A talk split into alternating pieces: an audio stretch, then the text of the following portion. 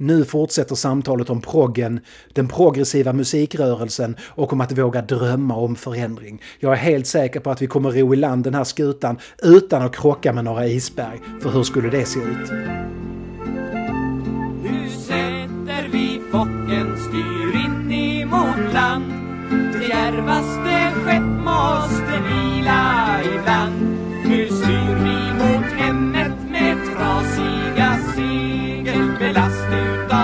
Lärdom från Marx och från Hegel i hamn, i hamn till mammas famn i hamn.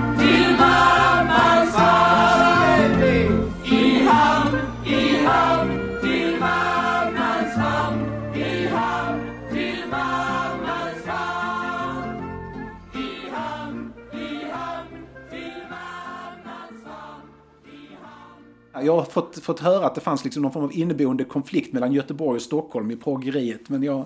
Ja, men det fanns det väl kanske inte. Ja, det fanns det väl alltså, så som det finns mellan Stockholm och Göteborg generellt. Men, men om vi går tillbaka till låten Lär av historien så handlar det om att, att då K, KFMLR har brutit sig loss från KFML. Och KFML blev ju sen SKP. Eh, och det, det, det hade sin, sin, sin, bas i Stockholm. Och där till S, SKP var ju Fria Proteatern associerade, tidningen FIB Kulturfront och sen så hade de Oktoberförlaget. Och det, var, liksom, det är Stockholms företeelse. Och medan liksom KP, som de blev sen, MLR, hade sin bas i Göteborg med Marx och Engelshuset och tidningen Proletären och, och sådär. Så att, och ja, väldigt hårdraget så, så fanns det väl en mer flummig Okay. eh, anda i Stockholm och en mer hårdför anda i Göteborg. Det var så, mer renlärligt i Göteborg liksom. Sådär. Ja. ja. men även ett band som Nationalteatern som absolut inte är renlärigt. Alltså det, det var tio personer, tio personer med, med tolv åsikter. Alltså det var väldigt anarkistiskt, väldigt eh, Eh, spretigt. Det fanns aldrig någon, någon liksom, liksom gemensam linje.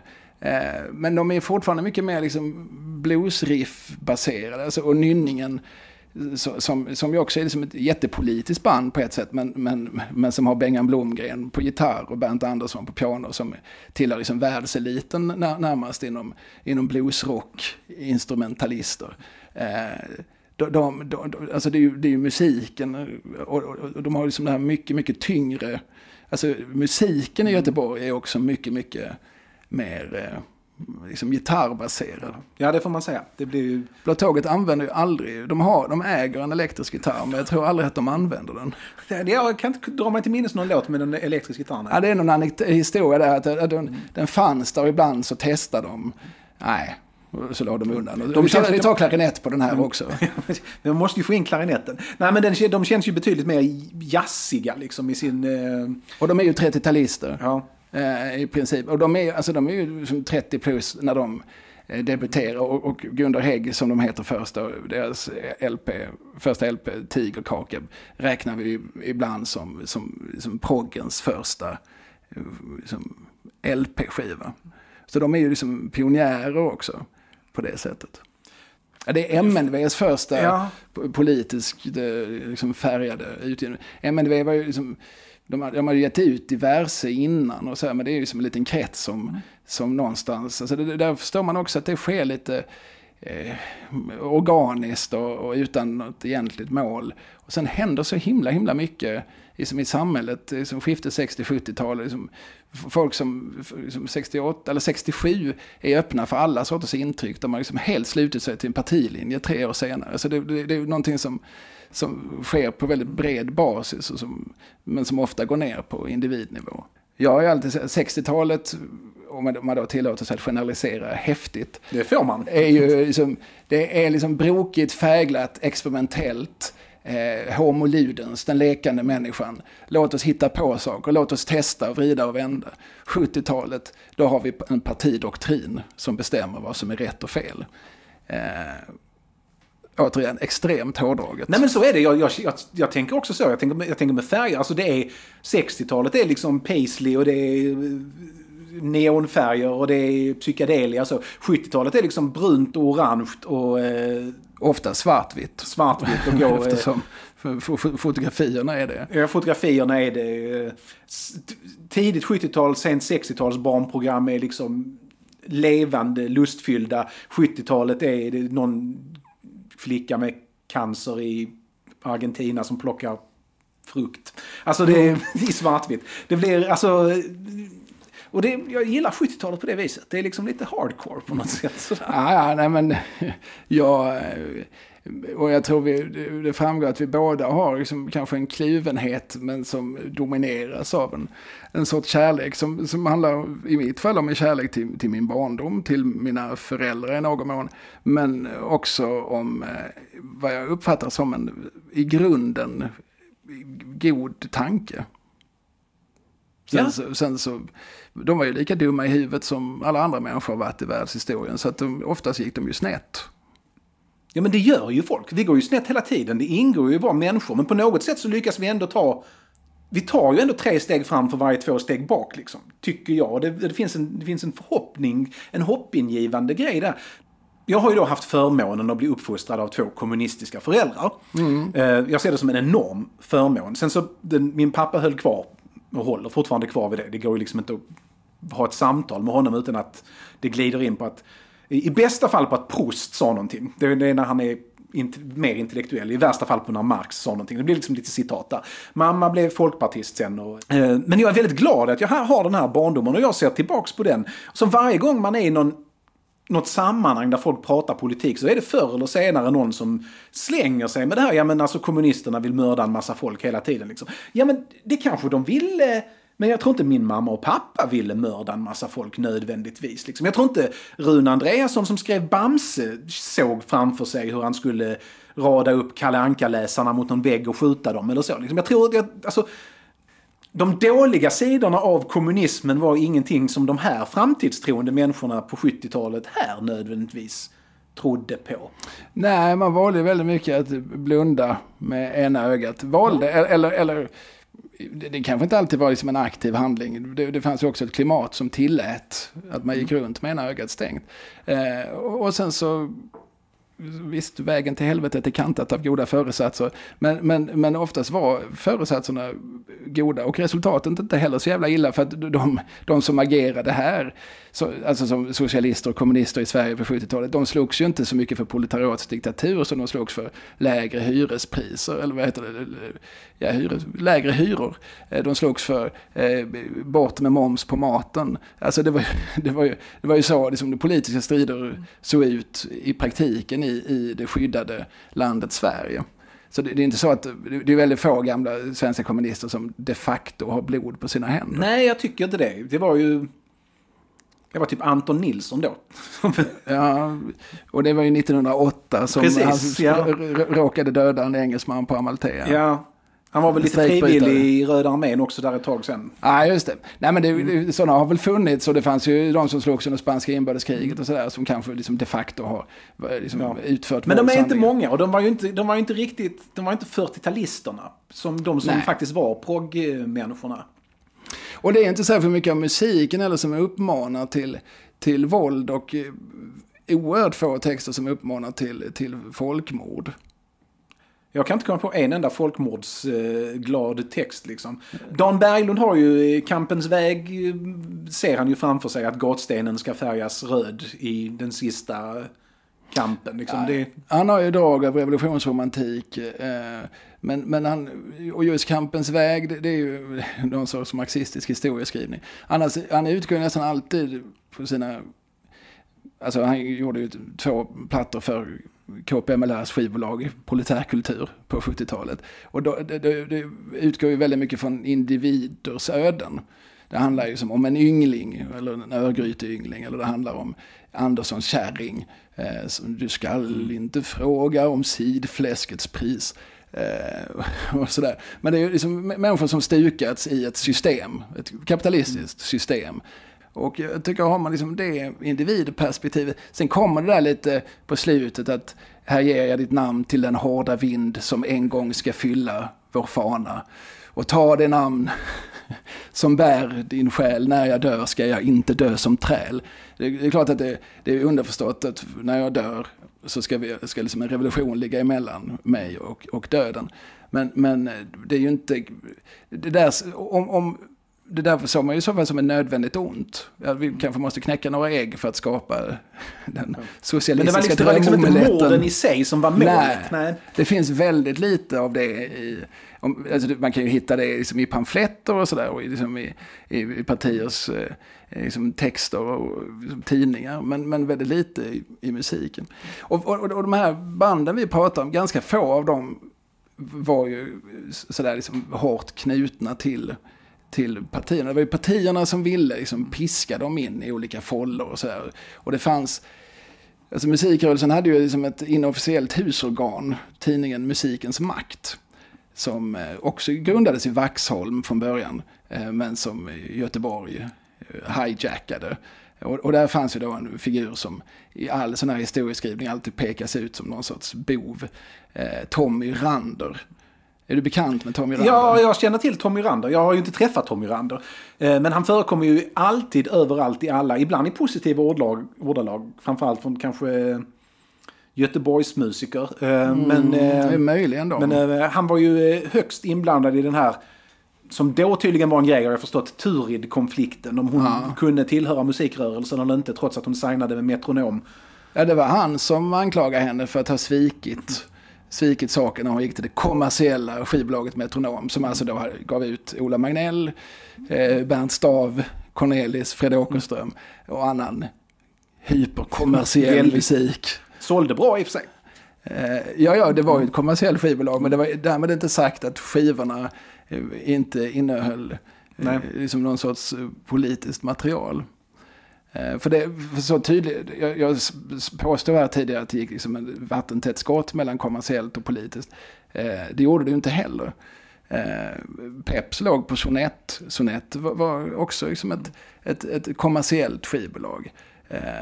Och Ola Magnell som, som, som ju absolut var liksom associerad med musikrörelsen. Han låg på Metronomer. Så det var inte alls så självklart som vi lätt, när man, som man vill ha det till när Då man kan jag försöker göra en nästan tänka att det var något historieskrivning. annat som låg bakom den här eh, backlashen mot eh, Turid. Som ju var fantastisk sångerska. Eller är fortfarande. Ja, ja men precis. Alltså hon, hon låg ju från början då på Silence. Och Silence var ju liksom jämte MNV, det, det stora skivbolaget. Och det är ju rätt stor skillnad på deras utgivning. För Silence har ju mycket mer rötter i, egentligen i prog-rock. Alltså de, de börjar ju med att liksom spela in på den psykedeliska klubben Fi- Philips. Där Hansson och Karlsson, alltså med Janne Loffe på trummor, där de lirade. Eh, och, och eh, de gav ut mycket mer instrumentalt. Tommy Rander hatade instrumental musik. Vad, ska det vara bra Det för? lär oss ingenting. Nej. Eh, och flummig musik, det var haschrökarmusik. Alltså han många, alltså han, han ogillade det Silence gjorde. Eh, och, och, och det är allt, allt det som är liksom, alltså träd, gräs och stenar och älgarnas trädgård och sånt. Det är liksom Silence musik. Medan MNV gav ut mer, eh, liksom eh, Eola och Nationalteatern och sånt.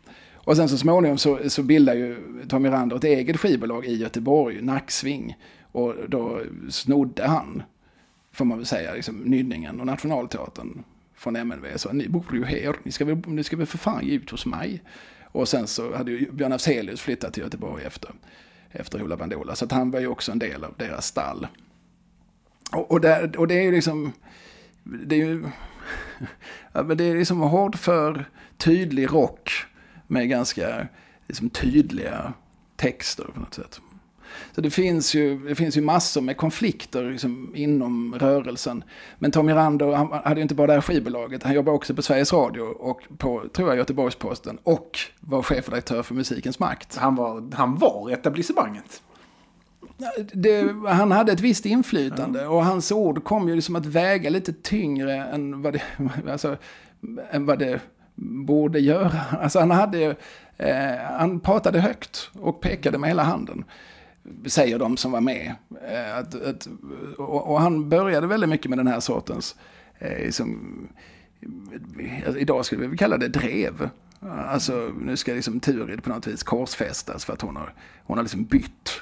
Alltså några år tidigare hade inte det varit några problem.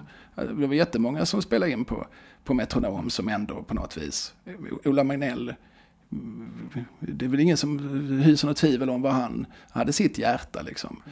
Det fanns ju få mer uttalat kommunistiska kommunister i offentligheten än Fredrik Åkerström.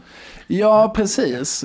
Men, men som på något konstigt vis heller aldrig riktigt kom att vara en del av, av, av musikrörelsen. Han, var ju, han debuterade ju tio år innan, han debuterade ju redan 63 och så här, och är ju, alltså han tillhör ju liksom en visvåg som lite grann föregår den progressiva musikrörelsen. Eh, och är, liksom, hänger väl fortfarande ihop med den. Men visst, absolut, han gick ju med i KPML och började enligt legenden också att prata göteborgska. Minsann. Ja, det säger liksom, Finn Zetterholm och hans trubadurkompisar. När han var som, som mest hårdför, då, då, då började han ta med fan och bryta på göteborgska. Kan man slå fast då att göteborgska är den officiella kommunistdialekten i det här landet då? Ja, men det måste man väl ändå göra. Och då har väl egentligen kommunismen sitt starkaste fäste uppe i, i, liksom, i Svappavaara, Kirunavaara och så här, alltså uppe i, i, i Lappland. Det, det är ju också som ett startskott för, för eh, musikrörelsen. Det är ju när eh, det som heter NJA-gruppen, Nils-Johan Andersson-gruppen. Det är ju det är ju ett gäng skådisar. Det, det börjar ju på Dramaten. Där bildar man liksom lite unga nyutexade eh, scenskoleelever och vill göra liksom grupp, progressiv gruppteater om samhällsfrågor. Så Alla Josefsson som är chef låter dem göra det. De slår sig ihop med ett band som heter Mascots som, som ju var liksom som Tages eller Hepstars. Och så, det var liksom ett popband på 60-talet. Eh, för de vill ha musik i pjäserna och sådär. Och eh, så småningom blev de för bråkiga för Dramaten. Men jag tror att jag tror de fortfarande är Ja, de gör, nej, precis. De gör en pjäs som heter Dom och en pjäs som heter Zigenare på Dramaten. Sen blir de utslängda därifrån. Eh, men, och sen så 69 kommer den här stora gruvstrejken. Som är som en jättesak. Att, alltså att arbetarna vid liksom de statliga gruvbolagen eh, som kräver saker. Och, som, och det är liksom en, som en vänsterkritik av socialdemokratin som kommer därifrån. Och det här eh, liksom, drabbar ett gäng liksom rosenkindade, eh, nyväckta revolutionärer i Stockholm. De åker dit upp, de, jag tror de vistas där en månad. Det här gänget som sen gör pjäsen, NJA-pjäsen. Huvudförfattaren heter Gunnar Orlander, eh, korserar under eh, aliaset Dr. Gormander. Och så då samlar de in sådana här historier som blir eh, balladen om Olsson och så. Det är ju som, Olsson fanns på riktigt. Det är ju som en, det är ju som reportageteater de gör därifrån. Och han, också, han, fick alltså inte sitta och fika, Olsson? Så var det. De hade ju, alltså det var ju... Det, efter vad jag förstår så var det ju en trälliknande tillvaro de förde där nere i gruvorna. Och de blev ju oftast inte så gamla. Och blev de gamla så hade de inte alla lemmar kvar. Eh, det, det var ju liksom fruktansvärda arbetsförhållanden på de där eh, statligt ägda industrierna.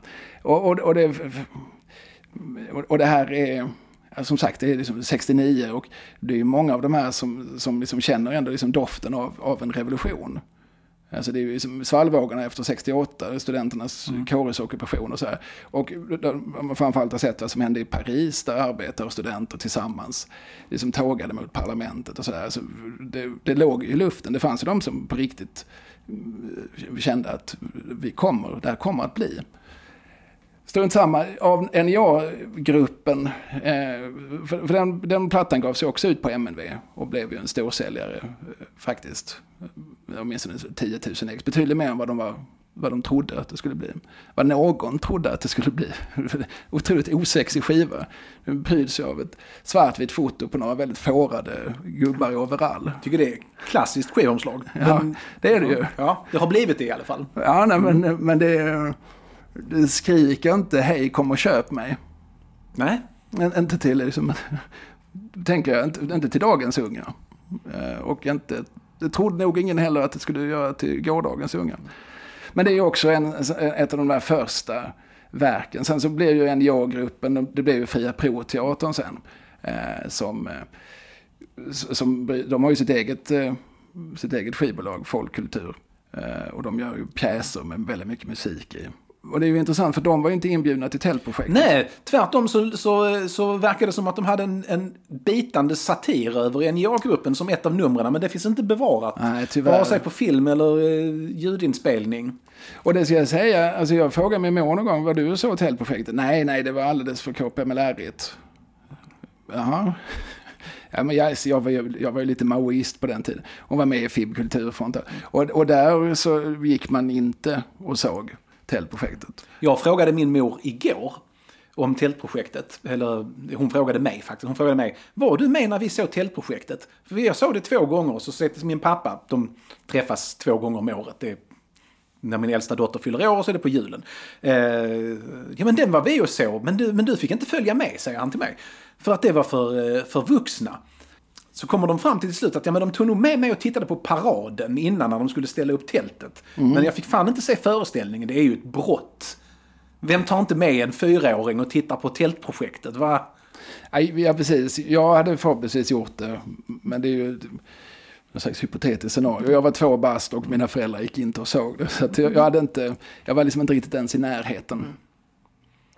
Men jag hade velat se det numret med, eh, Ja, jag, med var det parodin inte så på- att det sorterades ut? Att det var nog inte med hela resan? Det kanske det var. Det var ju väldigt ett work in progress ända fram till sista veckan, vilket ju också är helt spännande sätt att arbeta med teater. Ja, ja men det är, ju, det är ju en sån där stor sorg som jag och tio andra människor i landet kanske lider av. Att, att tältprojektet inte finns dokumenterat på film i sin helhet. Det är så märkligt. Det var så mycket som dokumenterades. Det var ju liksom verkligen 70-talet var lite dokumentärfilmens, eh, en, lite av en guldålder. Eller, eller man ska säga så här. Jag upplever det som att filmmakande genomgick samma processer som allt annan konstnärlig verksamhet, inklusive Såklart. musiken. Det var fritt och allt, och det skulle tas ner till människor, det skulle vara för alla, av alla och så vidare. Vilket ju- Folkets bio bildas och Stefan Jarl är argare än någonsin. och Ja, så. och, det, och så finns inte tältprojektet dokumenterat. Finns ju, Nej, och det där byggde nog någon mån på ett missförstånd. För de hade ju två människor med sig, Göran Durey och Kristina Olofsson, som, som dokumenterade och som var där och filmade. Men de hade ju mycket, liksom en helt andra ambitioner med sin film. För det kom ju en film sen som heter Tältet, Vem tillhör världen? Och den, den innehåller ju brottstycken av själva pjäsen, men sen så applicerar de ju pjäsens frågor på en massa andra företeelser i tiden. Så de är ju filmade på fabriker och de... Och, och det är en bra film. Det, det är Ja, mesta, det kan. Men det jag- får stå för dig. Ja, jag har bara sett den en gång. Men jag, och, och jag såg den på Folkets bio dessutom.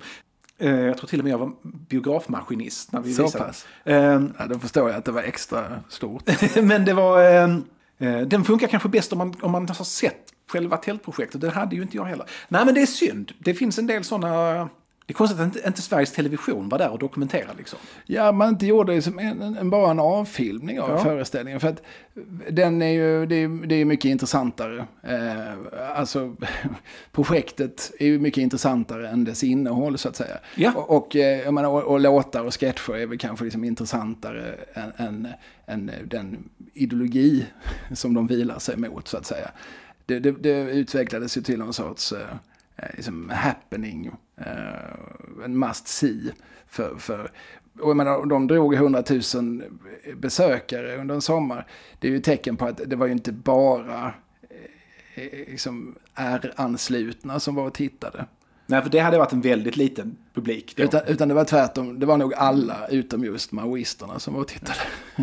För de vägrade ställa upp på den historien. Jag tror till och med sossar kunde gå och se den och sen, eh, för de var så himla vana, sossarna, vi- vi- alltså, ja, jag kommer den eh, som gamla slappa analysen igen om, om, om sveket 1917 och bla bla bla. Eh, det, det har vi sett förut, men det var bra låtar. Så tror jag att, att sossar i allmänhet Syftet reagerar. var ju tydligen, eh, i alla fall för vissa av dem, att väcka sossarna ur sin liksom reformistiska slummer, slummer genom att visa den här pjäsen. Ja, nej men det fanns många, må- många ambitioner. Och de kan vi lämna därhän. Det lämnar ju efter sig eh, en, en platta som, som du också har spelat. Där jag tycker Aldrig mera krig och Vi är årtusenden. Alltså det, du, du, du når inte högre under, Det är så bra musik. 70-tal. Det, är, det där är musik med fullständig internationell klass. Alltså det är... eh, Det är en sån tydlig kraftansamling också. Alltså, det, och det är ju inte så konstigt med facit i hand att, att luften sen gick ur proggen. Men Vissa vill ju ha det till att där, där, där det blev liksom proggens grand final. Det är ju inte alldeles sant. För året efter gav vi Nationalteatern ensamma sig ut på en, på en sån här ishallsturné med projektet Rockormen och så. här. Det var ju liksom nästan lika ambitiöst. Eh, Men inte lika bra låtar. Nej, det är verkligen inte någon av nation- Nationalteaterns eh, mästerverk. Det är det ju inte. Och det, jag menar den här konflikten som du också har tagit upp här me- mellan, inte bara den politiska konflikten utan framförallt då rock versus jazz-konflikten. Det skapar ju, det, det blev ju någon sorts eh, energi av det som är väldigt påtaglig. Ja, det gör musiken väldigt, väldigt... Det ger en dimension till det. Musik skapad i konflikter kan ju skapa de här riktiga klassikerna. Alltså det är... Om det är Fleetwood Mac så, eller, eller om det är Pink Floyd. När det är som mest konflikter blir musiken nästan bäst. Sen är det ju ett helvete för, de, för konstnärerna, såklart. Alltså, Ja, det kan ju gå för långt också så att säga. Alltså, Beatles sista plattor är ju väldigt splittrade. För att då, då pratar man ju ibland om att det var liksom tre solartister med samma kompgrupp. Eh, att- vilket jävla kompgrupp på andra sidan. Ja, men så var det ju. Men, det- men, det, men det är ju väldigt icke-enhetliga, osammanhängande skivor. Det finns ju mästerverk till låtar. Men, men, men, men plattorna blev ju, alltså de sista där, White Album och Abbey Road och Let It Be, är ju väldigt eh, osammanhållna. Det finns ju som ingen gemensam vision. Nej, det får man säga. Det övergav de väl efter Magical Mystery Tour nästan. Som eh, att ha någon gemensam sån. Men Abbey Road är ju förbaskat bra alltså. Ja, i sina stycken åtminstone. Du verkar ju kunna, du verkar ju ha någon form av uppslagsboksminne över proggtexter. Har du någon, några som... Jag får upp, jag får upp proggtexter i mitt... Varje dag på jobb. Så, så, I stort sett så, så är det nästan alltid någon jäkla progglåt som ploppar upp i mitt huvud som nu är den här applicerbar i den här situationen. Är det, går du också omkring med musik i huvudet på det viset? Första maj har alltid varit din röda dag. Andra maj så skriver du en arbetsstrejkad lag. Tredje maj så kallar du dig verklig socialist. Fjärde maj så upptäcker vi att du är folkpartist.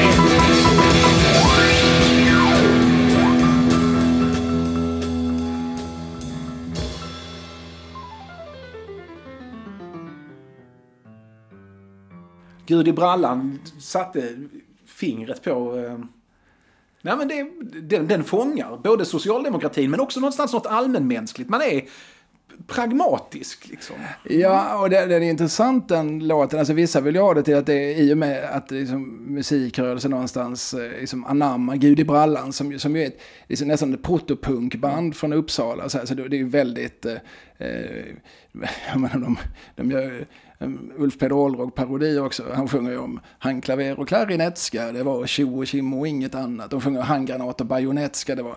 Eh, de är ju liksom, det är ju ett kul... Liksom, eh, liksom, vad, ska, vad ska vi säga, liksom ett satirband närmast. Men att, liksom att, att proggen väldigt tidigt liksom, anammar dem, där slår de också upp en, en, ett, en mur till socialdemokratin.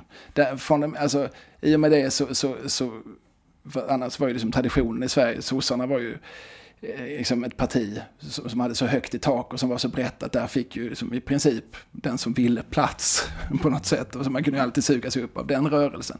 Men där blev liksom gränsen mellan mellan musikrörelsen och socialdemokratin, den, den blev liksom stadfäst nästan från dag ett. För det är ju... Hävdas somliga. Det där, det där med att att sosse är liksom den stora förolämpningen. Det, det förekommer liksom genom hela den här, ska vi säga förlängda tioårsperioden som är från 68 till 82 eller när man kan säga att proggens tioårsperiod var. Eh, sosse verkar vara liksom det är nästan värre än att vara centerpartist eller allmän borgare. Eller... Det är ju så abstrakt. Alltså, de, alltså borgarna, de finns ju inte. Nej men så är det ju, alltså, om vi återkommer till lära av historien, så där ser man ju tydligt, alltså den okej, okay, alltså ja, kapitalet, ja, eh, sossarna eller socialfascisterna, ja, men de värsta fienderna det är ju de som vi just var kompisar med, alltså de vi har brutit oss loss ifrån, det vill säga KFML. Alltså det blir ju, det är så fraktionsstrider väldigt mycket ser ut. Men det är klart att sossarna är den, som den stora fienden, för att dels är de ju makten under 70-talet, även när de inte har makten, det vill säga från 76 till 82, så pratar man om den socialdemokratiska hegemonin. Och fortfarande då, med, med Fälldin och, och Ola Ullsten som statsminister, så är ju Palme den absolut mest synliga politikern i Sverige och som får representera Sverige. Alltså, det är nästan så att Fälldin låter honom göra det. Alltså, det är ju, socialdemokratin är på något vis måltavlan. Det är ju de som har gjort fel. De, de fel som, som då en massa liksom, nyväckta socialister såg i samhället. Ja, det, det måste rimligtvis vara sossarnas fel för de har ju styrt sedan, sedan 32. Och det är väl inte en helt, helt egentligen konstig slutsats? Nej, nej. Får man tänka så. Jag menar sossarna fick egen majoritet i riksdagen 68 och de valde att inte genomföra sitt partiprogram. Bara det borde ju väcka lite misstänksamhet hos Ja men de blev ju, Vänsterfolk, de blev ju tidigt redan. Liksom, som Karl Gerhard som, som var eh, verksam som revymakare från 1919 till sin död 64. Alltså redan på, på 30-talet sjunger han ju om, om eh, att eh, ja, liksom ideologi i all ära, men visst är makten lite härlig. Alltså, han, väldigt tidigt så anklagar han ju då från ett högerhåll, men från ett retsamt satirhåll, eh, sossarna för att eh, glömma partiboken hemma när de går till, till, till kanslihuset. Alltså det, det är ju en eh, liksom klassisk... och, och, och, och den finns ju kvar. nog alltid. Där, därför är ju...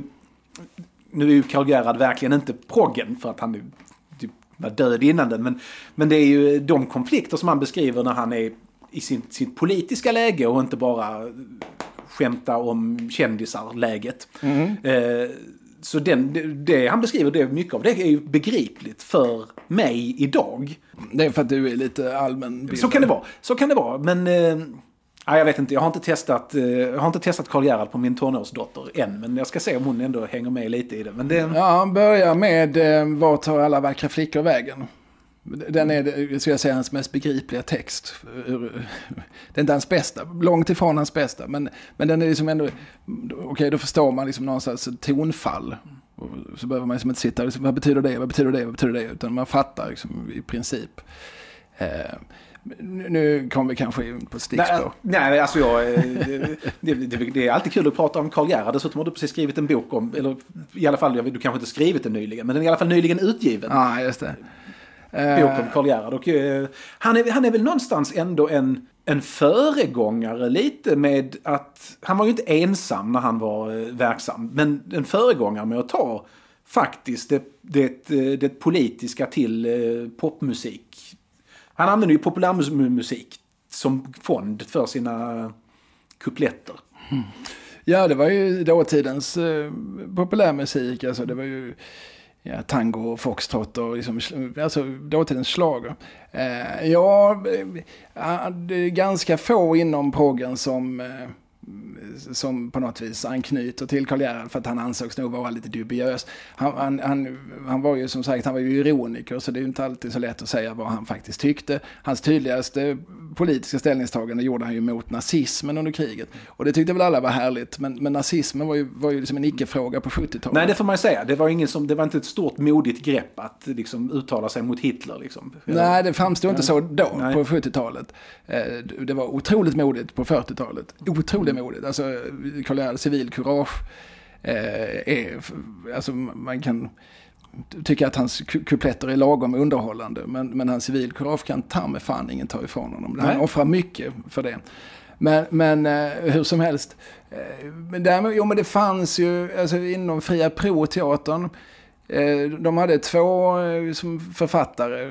Dels nämnde Gunnar Olander och sen en kille som heter, och som fortfarande skriver i Aftonbladet, som heter Karsten Palmer. Och Karsten Palmer var ju son till en man som hette, han hette Gustav Eriksson. Han, het, han hade signaturen Jorvard. Han var kommunistisk riksdagsman. Men också kuplettförfattare. Skrev lite, jag tror Karl Gerhard använde en del av hans texter.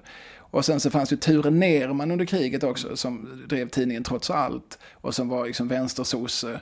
Han skrev också en jävla massa kuplettexter. Alltså det fanns, det fanns liksom en tradition inom part, en viss partipolitik. Att man skriver liksom roliga visor till, till partimöten och så här. Och, eh, och det plockar ju Karsten Palmer lite grann upp. Alltså, hos Fria Proteatern så finns det inslag av kuplett. Eh, alltså den här sortens satirisk visa.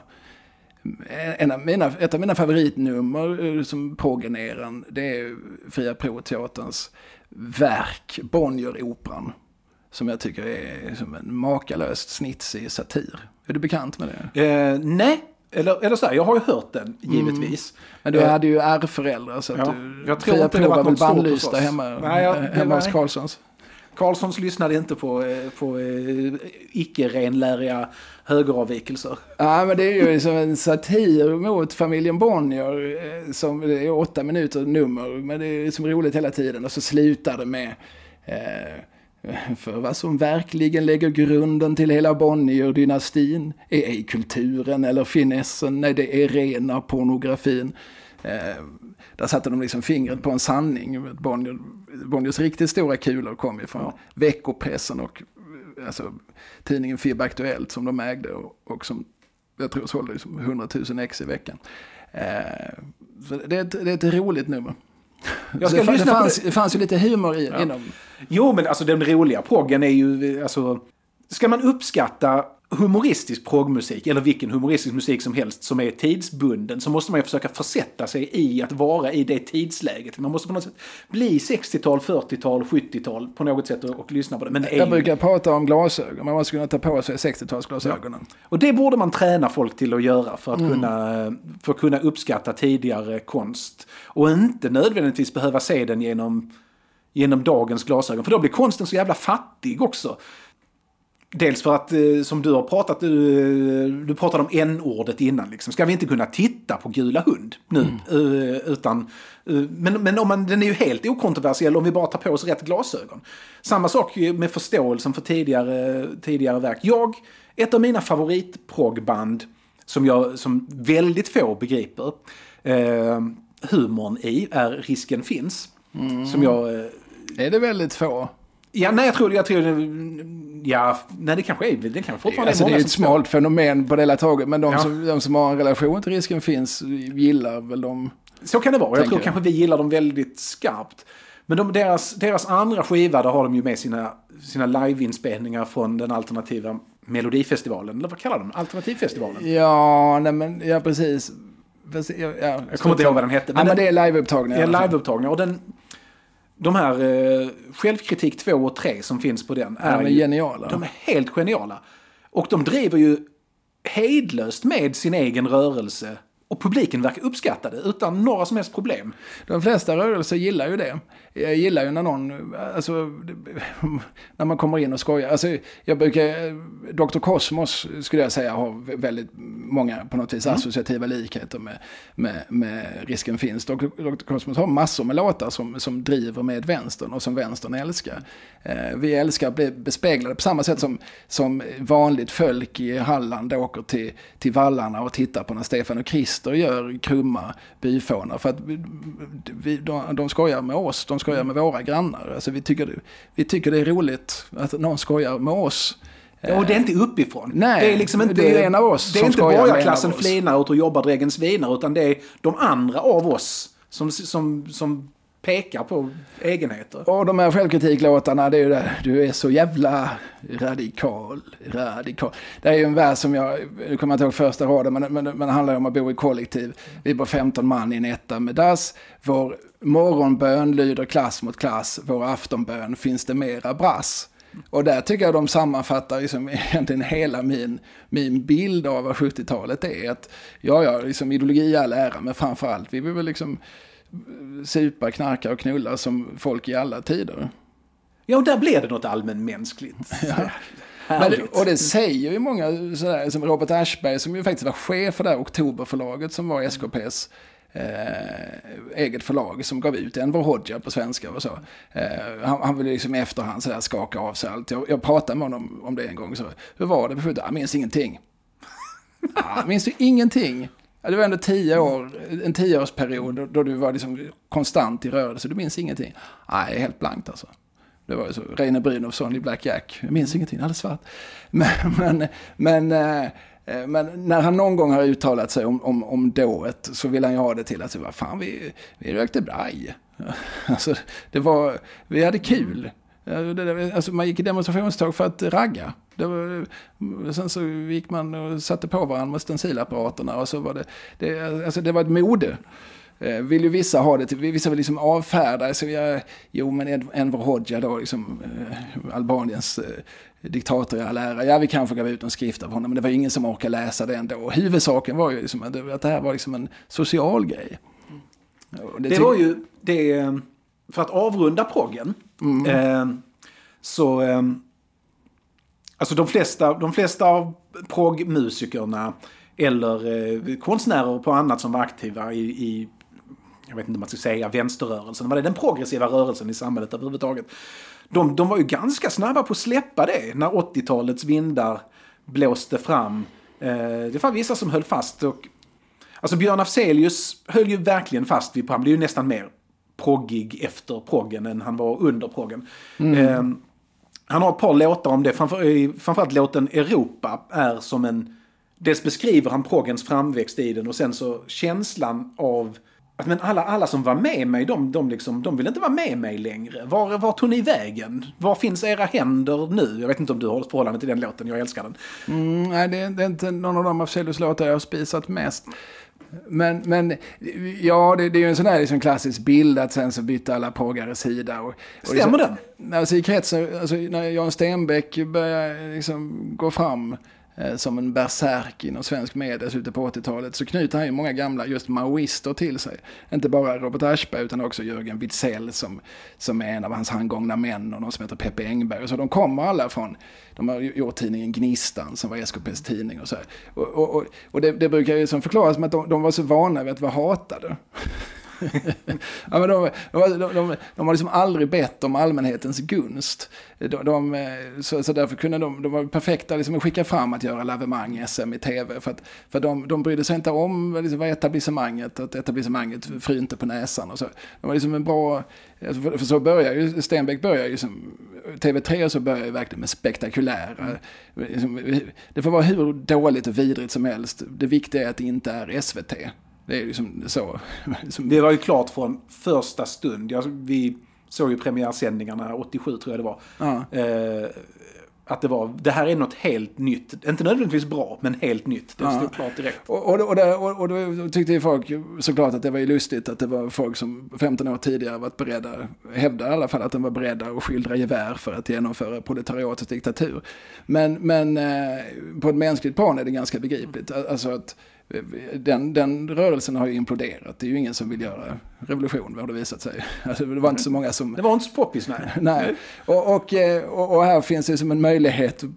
De, och de är väldigt skillade för detta. Liksom. De, de, är, de är liksom teflonmän. De är yes som man kan liksom ösa hur mycket vatten man vill på. För, för det har de liksom, de har blivit väldigt liksom, tränade i det att, liksom, att, att, vara hatade när de har stått utanför bolaget och kränkt Gnistan med, med olika liksom, paroller på framsidan. Men, men eh, alltså, jag vet inte om det finns så många exempel. Alltså det, man kan, det finns ju Göran Skytte Eh, han tillhörde ju någon sorts, han fanns ju med inom den progressiva musikkulturen. Han spelade lite flöjt med Mikael Wiehe och sådär. Och nu, nu är han väl slagrörd. Men däremellan så, så har han ju varit eh, någon sorts, han blev ju nästan högerkristen mm. i sina, sin sista verksamhet som ledarskribent. Eh, det finns ju som ett antal figurer som... Men de flesta bara gled in i vanliga jobb och eh, glömska kanske? Ja, och, och, och nästan alla människor jag har pratat med som tillhörde proggen. Det är en handfull. All, de, de som pratar om att, ja, det är som i politik, ja, vi vill väl ha ett bättre samhälle och så för all del, men framförallt vill vi göra musik. Eh, och, vi, och, det var ett roligt sammanhang att göra det i och det fanns liksom musikforum och man tog inte, det var inte så var inte så stort allvar. Man sov på någon madrass någonstans och man kuskade runt i sin, sin folkvagnsbuss och man träffade roliga människor och sådär. Så det var, musiken var mycket viktigare för så oss. Så hade det funnits något annat sammanhang där musiken så hade de varit central. Så eh, om proggen inte hade hänt utan det hänt något annat så hade de varit där istället. Ja men proggen alltså, var väl liksom medelklassens dansbandskultur. Mm. Alltså hade de, hade de inte varit akademiker utan, utan liksom snickare och bott i en småstad så hade de förmodligen börjat lira i ett dansband istället. Men nu var det inte så, utan nu var det liksom det, det sammanhang de här personerna sökte sig till. Och de fortsatte säkert att rösta på, på vänsterpartier, de flesta av dem. Eh, men och, och ibland så på första maj kanske de kom på att just det, en gång ville jag göra revolution. Men, då, men, men ja, det, just den här liksom rörelsen från en extrem till en annan. Det är klart att man kan hitta ett antal liksom signifikativa exempel. Nej, men det kanske är överdrivet. Och Björn Afzelius då när han skrev den 84 tror jag. Eh, han kanske var, kände sig extremt bitter då. Den är mycket bitter den låten. Den är rolig på det viset. Men, ja, eh, men hela, den, hela vänsterprojektet imploderar ju. Alltså det är ju mm. jättemycket bitterhet. Om man läser Sven Wernströms Trälarnas svit. Som ju, han skriver en massa böcker under under 70-talet. Och den sista som väl heter Trälarnas framtid, som är från 81, det är kanske det mest bittra du kan läsa. För då rör han sig i sin samtid. Det finns ju, fram till dess så, så har han liksom, när han skrivit historier så, så vet han att det kommer att bli bättre. Men nu vägrar han att tro det längre. Trälarnas framtid är jätte, alltså jag älskar Trälarna-böckerna. De är helt fantastiska. Jag är ju de, de fanns i mitt hem och de lästes eh, flitigt. Vi såg ju även den här danska tv-serien som inte alls är baserad på hans böcker, även om den, eller lite baserad, men den marknadsfördes som sådan, men det följer inte alls samma berättelse. Det rituella samlaget i åkern med, med, med sperma och ägg, det, det, kommer väl från hans bok vill jag minnas. Ja, men i övrigt så är det ju inte mycket, det är ju liksom inte, det är ju inte massa lustfyllda människooffer och annat i den liksom. Vi såg den på dansk tv. Eh. Ja, den visades också i svensk tv. Det var ganska kontroversiell den visningen, för den visades ju på barnprogramstid. Ja. ja, men okay, men vi, såg till... de här, vi, vi läste de här böckerna och Trädarnas framtid tror jag inte är med i de, den nyutgivning Nej, som finns av den. Den, den är, är utsorterad, den är utsorterad. Ur, ur, ur Trälarna-kanon. Ja. Nej, den är nästan oläslig om man inte är intresserad av just att sätta sig in i, i huvudet på någon som faktiskt tio år tidigare liksom, trott på, på liksom ett revolutionärt maktövertagande.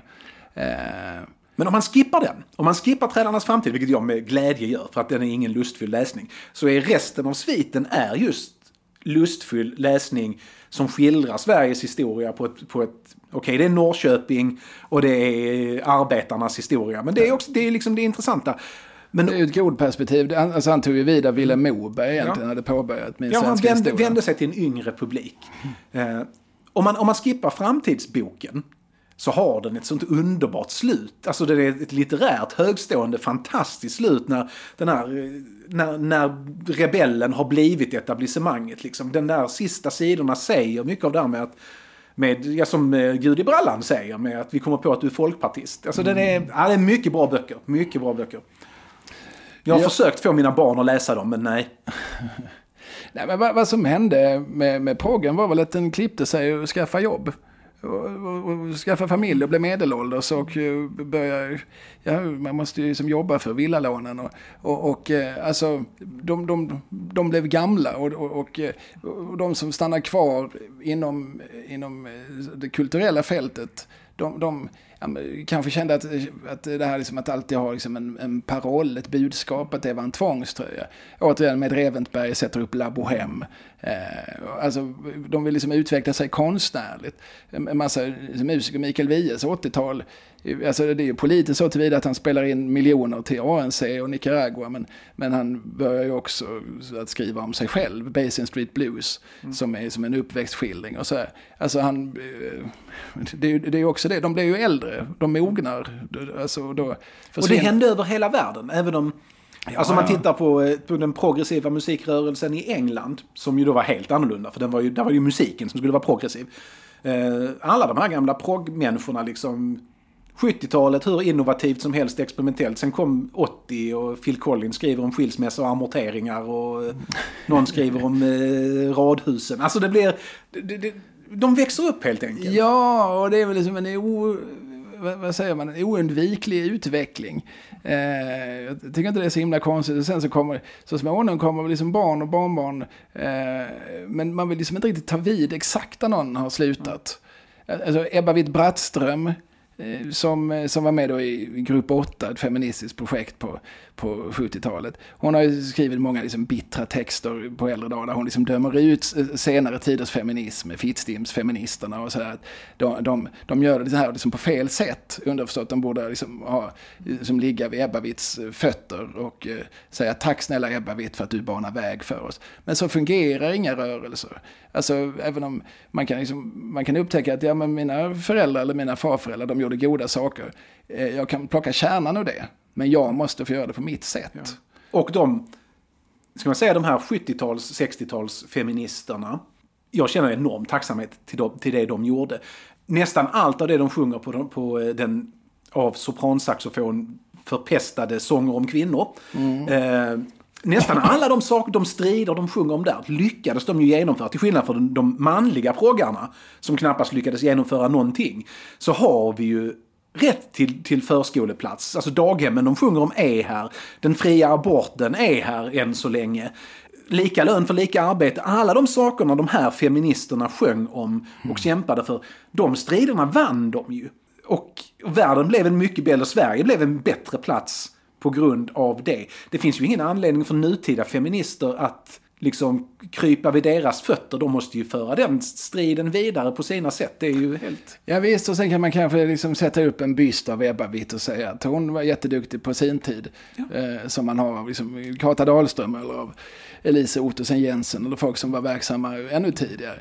Men, men eh, alltså när proggen, ibland en sån här liksom filosofisk fråga, när slutar proggen? Vissa säger då tältprojektet. Andra säger liksom ANC-galan som kommer 85. Som är liksom, där möts ju då egentligen för första gången den progressiva och den kommersiella världen. När Mikael Wiehe och Thomas Ledin, knuten till Polar och Stickan Andersson, den forne ärkefiendens bolag, när de tillsammans samlar in pengar till en, till en sydafrikansk befrielsearmé, om man så vill, eh, terrorrörelse. Det man kan man väl sätta, det är väl en vacker avslutning. Det är mindre tragiskt än att säga att tältprojektet blev det. För att ANC-galan är ju, där möts ju dessutom 80-talets unga musiker eller, och med de äldre rävarna liksom på Ja. samma scen. Ja, och så får man liksom se det som ett, som ett kapitelavslut snarare än ett, eh, som ett ridåfall. Eh, och eh, ja, sen är det som... det- om man tittar på en massa rörelser, som min ungdoms indiepop-rörelse, så den, den påminner liksom ytligt sett ganska mycket om hur, om hur musikrörelsen organiserade sig liksom i små liksom labels och små spelställen och man hade jättemycket liksom kontakter. Liksom, nästan pre-internet dessutom. Med mycket liksom en flyerkultur och sådär. Det finns ju massa likheter men, men det, jag tror inte eh, liksom, killarna och tjejerna som byggde upp som en musikscen i, i Skellefteå på 90-talet med Warnadice och, och sådär. Jag tror inte de liksom satt och tänkte så jävla mycket på vad, vad, vad Lasse Thenander och, Nej, och så inte. hade gjort 20 år tidigare. Men, visst, men, men någonstans, så, varje människa som gör någonting visar ju att det går att göra. Varje människa som gör någonting visar att det går. Det känns som ett positivt slut. Det känns som att vi har pratat skitlänge. Ja, 1.35. Ja, det, det, det är en alldeles... Det är precis. Eh, Det finns hur mycket mer som helst att prata om. Men nu, vi, vi avrundar. Ja, du ska ju klippa här också. Precis, ja. Stackars jävel. Ha, nej, men det blir kul. Jag undrar inte min värsta fiende. Behöver gå in i det Ja, men det blir kul. tugget.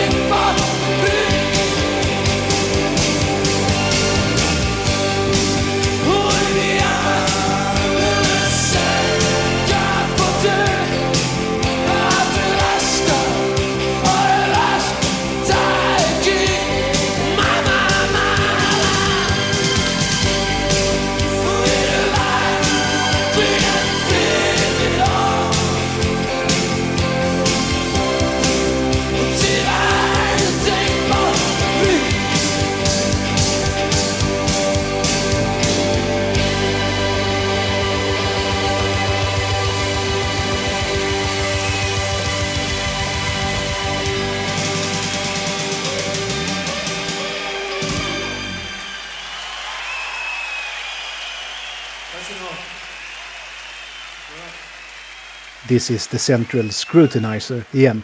En av de där progglåtarna som liksom fått evigt liv och blivit en klassiker långt bortom den politiska musiken är Mikael Wiehes och Kabaréorkesterns Titanic, andra klasspassagerarens sista sång. Den är såklart fullständigt briljant och texten är typisk för de progglåtar som faktiskt överlever den tid de skrevs i. Eftersom Wiehe placerar sin låt i 1912 kan den inte vara bunden till något dagsaktuellt. Nej, Titanic kan finnas där every night in my dream som jag så vill hur länge som helst eftersom den berättar en allmängiltig allegori över den överdrivna tilltron till system och konstruktioner som faktiskt förr eller senare kommer att braka samman. För allt vi bygger och tror på finns det ett jävla isberg som väntar runt hörnet. Titanic släpptes på skiva första gången 1978 och den såg snabbt som en allegori över tron på kärnkraft. Den sjöngs av tusentals linje 3 runt om i Sverige. För er som inte var med när det begav sig så var linje 3 ett av tre alternativ i den folkomröstning om kärnkraft som hölls i Sverige 1980. Tre Tänker ni? Hur fan kan man ha tre alternativ i en fråga som bara kan besvaras med ja eller nej? Och det är väl inte, om min matte är helt vansinnig, bara två alternativ? Dina frågor är ytterst rimliga min unge vän. Och jag gissar att det inte kommer att bli färre frågor om jag berättar att det inte bara blev ja eller nej, utan tre alternativ. Alltså tre alternativ som alla var nej. Vi förnekade inte att hans låt skulle kunna tolkas som den teknokratiska tilltron till kärnkraftverken, men han var smart nog att inte säga det som att det var definitivt det det handlade om. Det gjorde att han under 80-talet senare kunde låta den handla om tron på evig ekonomisk tillväxt, eller på 90-talet om tilltron till att demokratins institutioner för alltid kan motstå en växande högerextremism i samhället. Den första inspelningen av Titanic jag känner till är från 1974 och har inte andra klass passagerarens sista sång inom parentes på slutet liksom. Nej, den heter Titanics undergång och den har ett inledande, enligt Vie, tangoparti som sedan inte kom med på Sjömansvisor 1978. När Wiehe presenterar den så pratar han om att den handlar om den gamla överklassens undergång på 1910-talet och om hur den skulle ersättas med en ny och mer effektiv härskande klass. Väldigt marxistisk. Enligt marxismen styrs ju samhället på det mest effektiva sättet eftersom allt annat tvingar fram en revolution. Men finns det något annat i den där låten? För här sitter jag och darrar i vånda och nöd och skakar i rädsla och skräck. För det är alldeles tydligt och klart att det är bilden av Wiehe jag sett. Och visst, finns det liv så finns det hopp och han springer där med en skjuten skata eller vad fan det än är på sina taniga ben och hans lockar fladdrar. Men är det inte han själv och musikrörelsen han sjunger om där i Titanic redan 1974? Jag såg Wiehe på hans sista konsert, säger han i alla fall, här i Malmö för några månader sedan. Och man kan tycka vad man vill om honom, älska eller hata, hylla eller håna. Men en sak kan man inte ta ifrån honom och hans övertygelse. Var han än går till botten tänker han ta mig fan gå till botten med flaggan i topp. Det tycker jag vi som tror på det vi trodde på trots allt ska göra vi med. Vi ska spela sången om Titanics undergång. När skeppet Titanic gick under ungefär ja, 1912 tror jag det var. Det var världens eh, säkraste fartyg och det skulle inte sjunka. Det var dubbla skott på alla håll och kanter. För... Gick det på sin eh, första resa, stötte på ett isberg, sjönk som en sten. Förmodligen utstötte det något ljud alla Hasse Alfredsson så här. Flurp. Eller någonting sånt när det sjönk. Eh, man kan ju kanske dra många symboler av det här med skeppsbrott och så, men jag tycker en ganska relevant eh, jämförelse eller symbol som man skulle kunna dra ut av det här skeppsbrottet, Titanics skeppsbrott.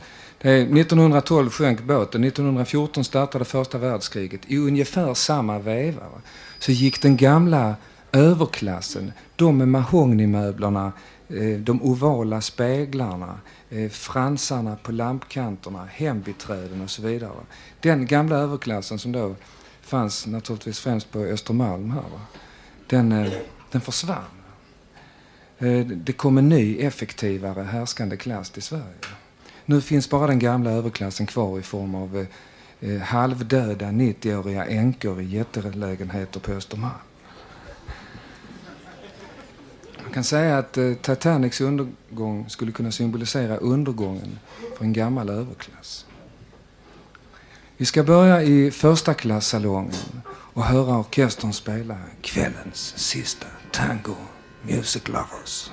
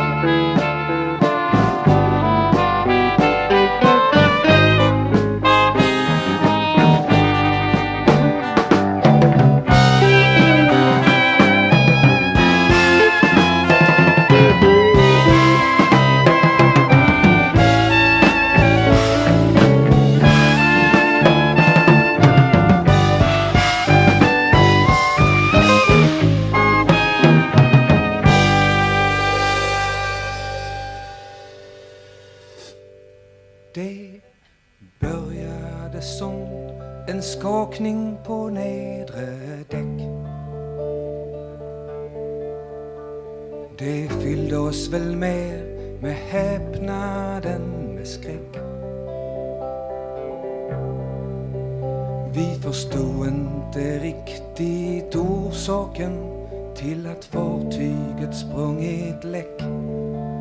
Man hade sagt oss att detta var världens modernaste osänkbara skepp.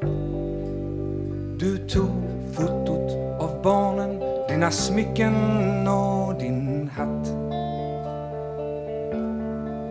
Jag tog en tröja, jag tänkte havet är säkert kallt. När vi steg ut ur vår hytt och såg hur vattnet börjat strömma in såg jag en tår, eller var det kanske en droppe vatten på din kind? Vi följde pilar som angav räddningsbåtens plats.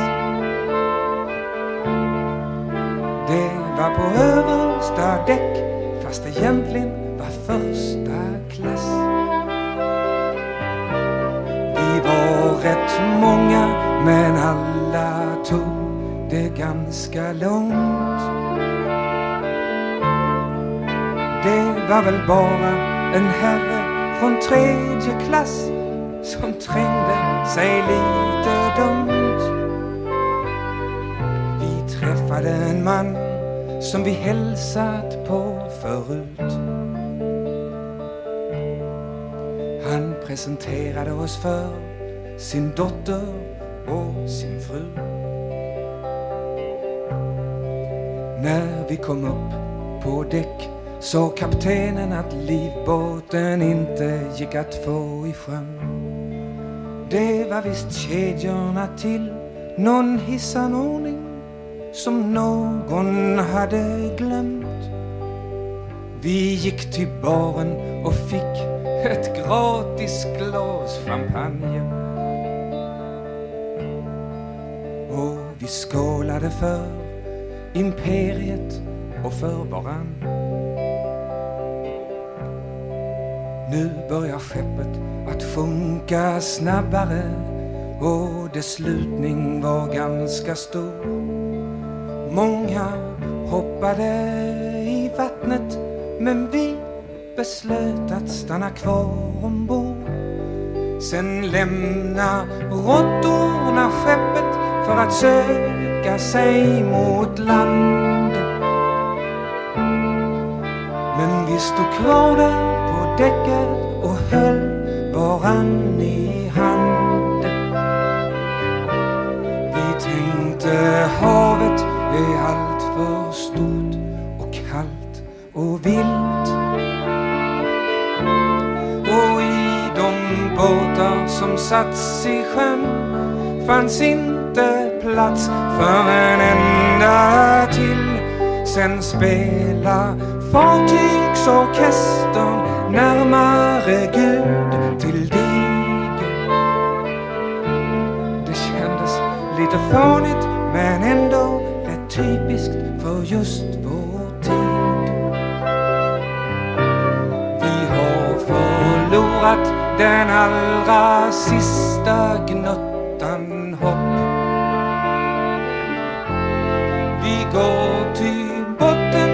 vi står men flaggan den går i topp.